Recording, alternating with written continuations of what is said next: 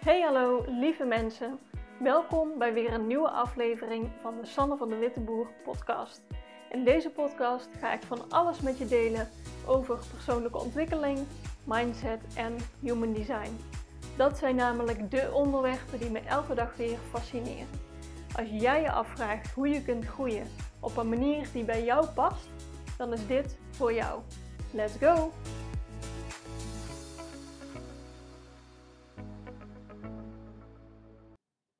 Hey hallo lieve mensen, welkom terug bij uh, alweer de 50ste aflevering. Ik vind het best uh, snel gegaan dat ik nu al op de 50 zit. En ik wil een deel 2 maken van een podcast die ik al eerder heb opgenomen, namelijk podcast 45. En daarin deel ik mijn visie over hoe je omgaat met consistentie, op, uh, ja, vanuit Human Design bekeken.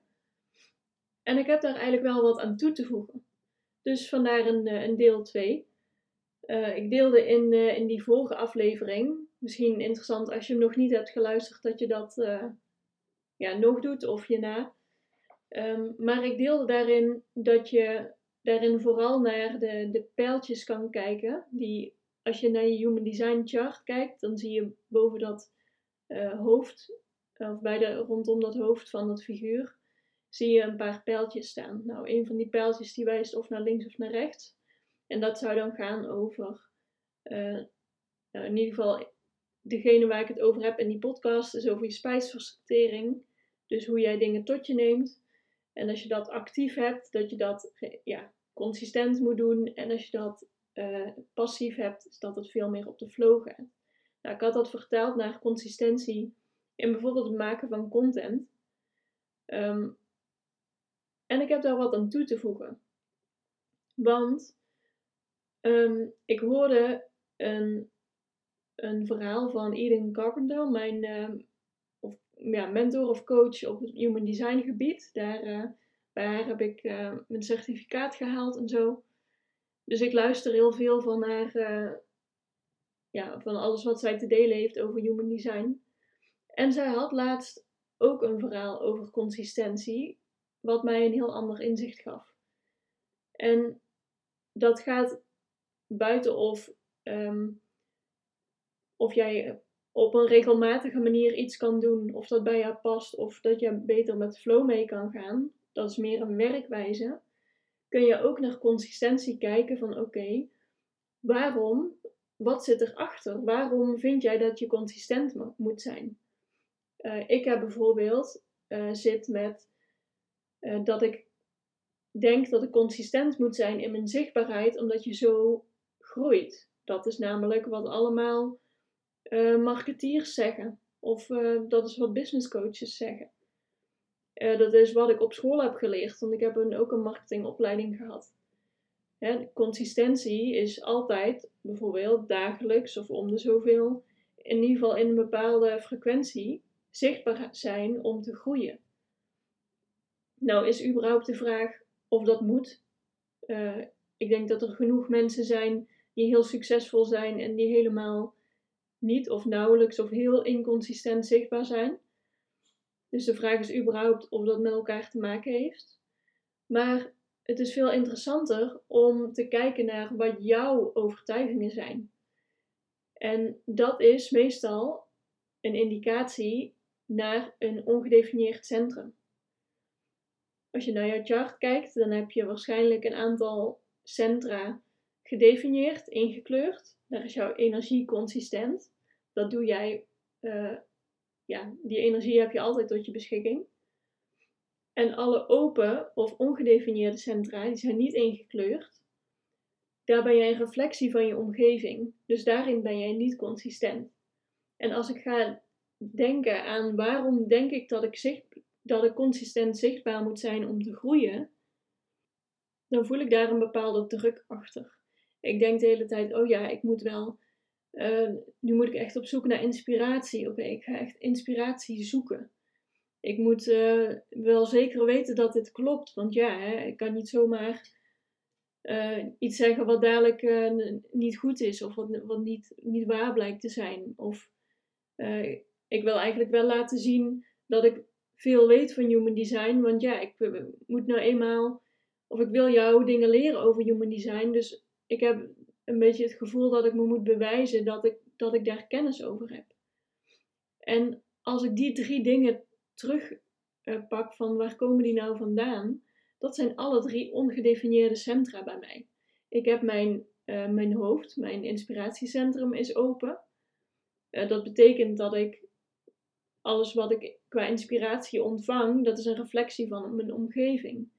Dus um, het heeft niet zo zin voor mij om te gaan zitten piekeren van, oh jee, ik moet op zoek naar inspiratie.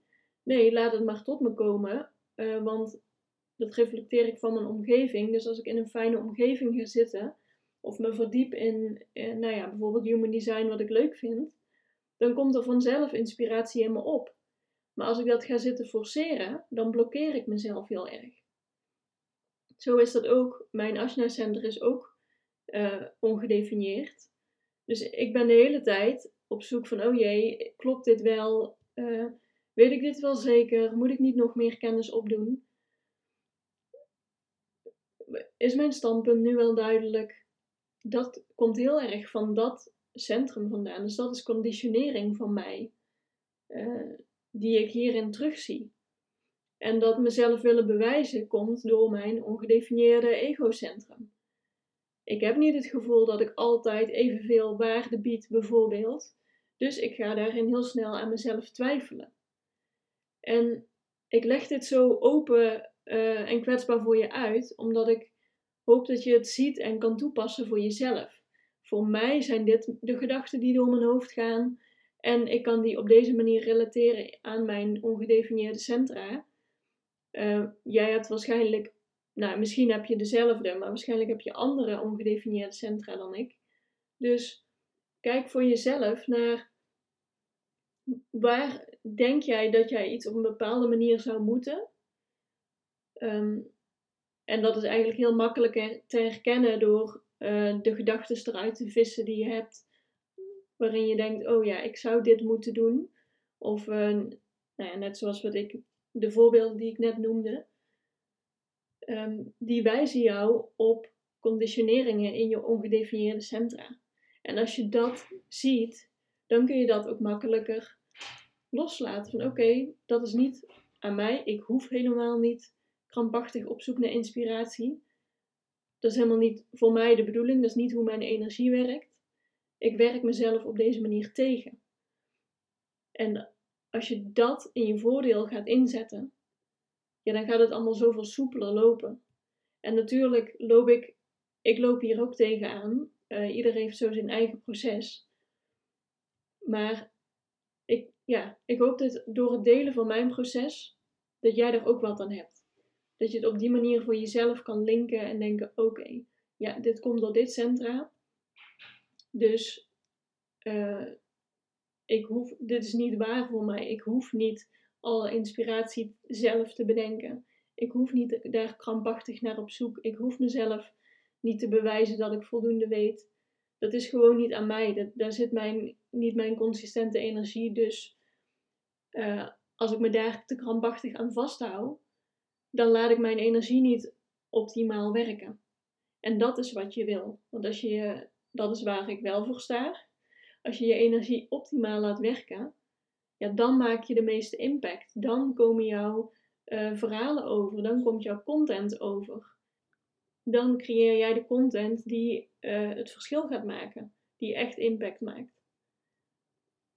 En ja, wat, wat is nou fijner dan jezelf op die manier kennen, een beetje kunnen bijsturen en, uh, ja, en zo het beste uit de verf komen